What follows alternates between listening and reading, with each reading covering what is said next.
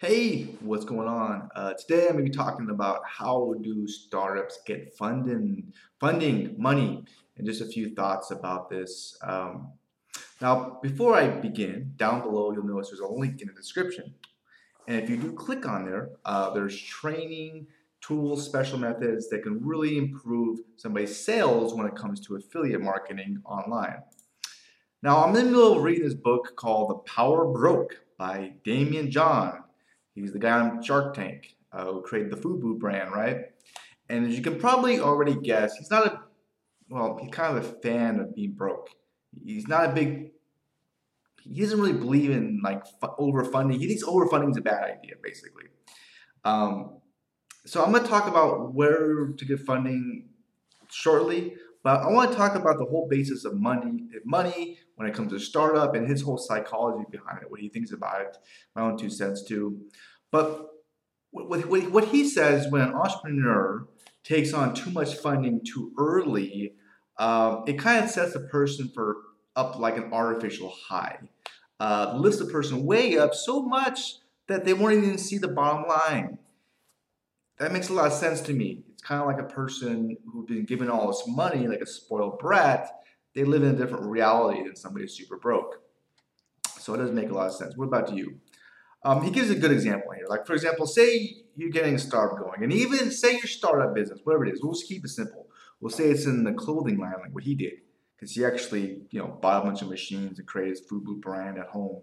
But say it's making fifty thousand uh, dollars in sales, you know, a year. Uh, we'll keep it really simple, right? Fifty thousand, just so you get wrap your head around it. Um, you want to grow the business, and you have a number in mind. I don't know, maybe you're looking at uh, the more manufacturing, marketing, and your number is not two hundred thousand dollars, and that's going to really, you know, grow the business a lot. Um, you decide you decide that for two hundred thousand dollars will net uh, your investor thirty percent stake in the company. Okay, kind of like what you see on Shark Tank, right? Um, now running the numbers, it seems like a pretty good idea uh, for both parties, but according to Damien, it isn't. He thinks it's a bad idea uh, you have a partner at 30%, but next thing that happens is you run through all that money. According to him, there's a pretty good chance of that happening too. So at $50,000, you might be making a profit of 10 grand, okay?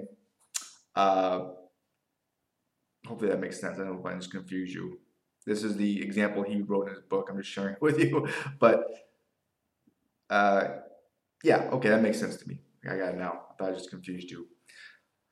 Uh, but now you have a little bit more money to spend. Uh, so what happens is you go on like a like a drunken sailor. You start blowing cash, um, and you have to feed start feeding back that two hundred thousand dollar investment. So the business plan has changed. Uh, before you pay yourself that same ten thousand in profit, you have to sell about hundred thousand dollars worth of stuff because you got more overhead, marketing, all that sort of stuff. So that's a pretty big percentage leap. Um, and it won't end there because there'll be a lot more pressure on your little startup uh, to do even more business, and which means there'll be more pressure to kick things up a few notches and grow, and it'll be more pressure to grow at a rate that you'll feel comfortable with. Okay, so it might work out that you need another shot of cop, another shot of capital. Ding, you need more money. But what happens then? Yeah, you have to give away even more of your business. What you know, was it 30%, 20%, even 10%, whatever it is. Before before you know it, I mean, you're basically working for somebody else. You're taking all the risk and all the headaches, and they're making the cash off of you. Kind of makes some sense. I wonder if he thinks that all the people that just walk up on stage in a Shark Tank are much idiots. I don't know. maybe so. There's there's some good stories, but maybe not. I don't know. Interesting. Um, but what he says, according to him, which is this is pretty interesting, is if you hang in there, if you let the business grow organically, what like kind of what he did, he kind of worked at Red Lobster the whole time when he was growing his FUBU brand.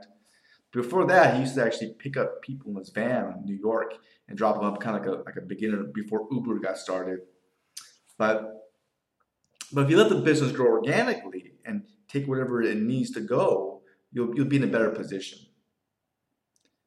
Uh, soon your cash flow will be strong enough so that you can finance all that extra money instead of giving it away and you know with all those chunks of your company the equity, which is not good at all. Okay, and that kind of makes sense to me. Uh, that makes a lot of sense. Does it make sense to you? Hopefully it does. Um, also, one more point, and he takes a, a message from Mark Cuban, and this is kind of a no-brainer. I agree with this. Is that once you start making money, you got to pay off your debt, man. That's the first available dollars because it's a guaranteed return. I mean, it's the same thing if you have like credit card debt. I mean, if you have any money, you fucking pay off the pay off the fucking debt. Um, instead of worrying about investing or making more money with your money, right? It's kind of a no-brainer.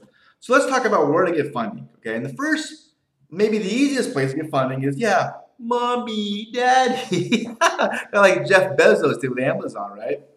Uh, he actually went to his parents and he said, you know, I may not pay you back. I don't know. yeah, he said that. True. Uh, but it might be the riskiest, and you don't want to ruin your relationships with your family members. If you give any money to a family member for a loan, consider it like a gift. If you get it back, great. If not, hey, don't expect it to get back. This family, different. Uh, even Jeff Bezos said that too. So that's one area. Next up is the bank. Yeah.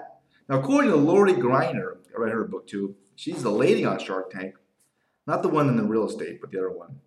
She like took 200 products to market. She's big. Uh, she says the best time to go to a bank for a loan is after you start getting purchase orders. It makes sense. If you, you have to sell some shit, and the bank goes, "Okay, you're serious. I can get my money back." But if you don't sell that thing, people are like, "Nah, man, I don't know if people are gonna buy that thing." which makes a lot of sense. Um, to be seen more credible if you have sales. You have you, you should have sales, okay? Uh, and she also recommends keep a good relationship with your bank.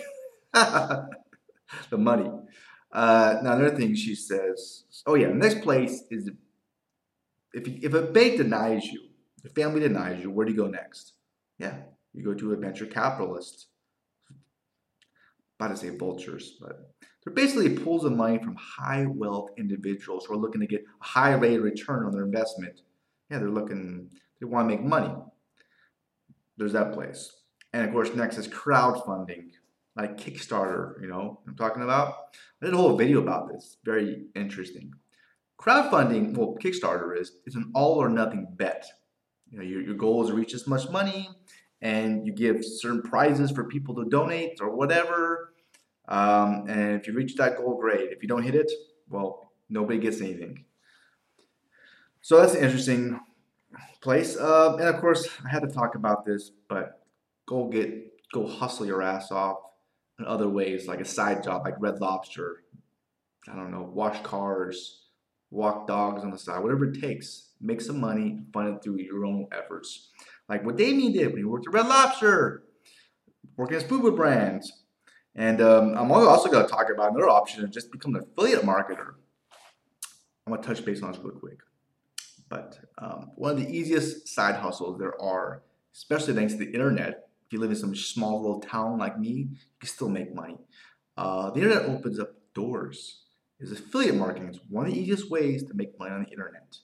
Um, so if you want to make money as an affiliate marketer, or if you already are affiliate marketer, I highly encourage you to click that link below because you will check out and view tricks, special methods, and techniques that can improve your sales with affiliate marketing by a lot.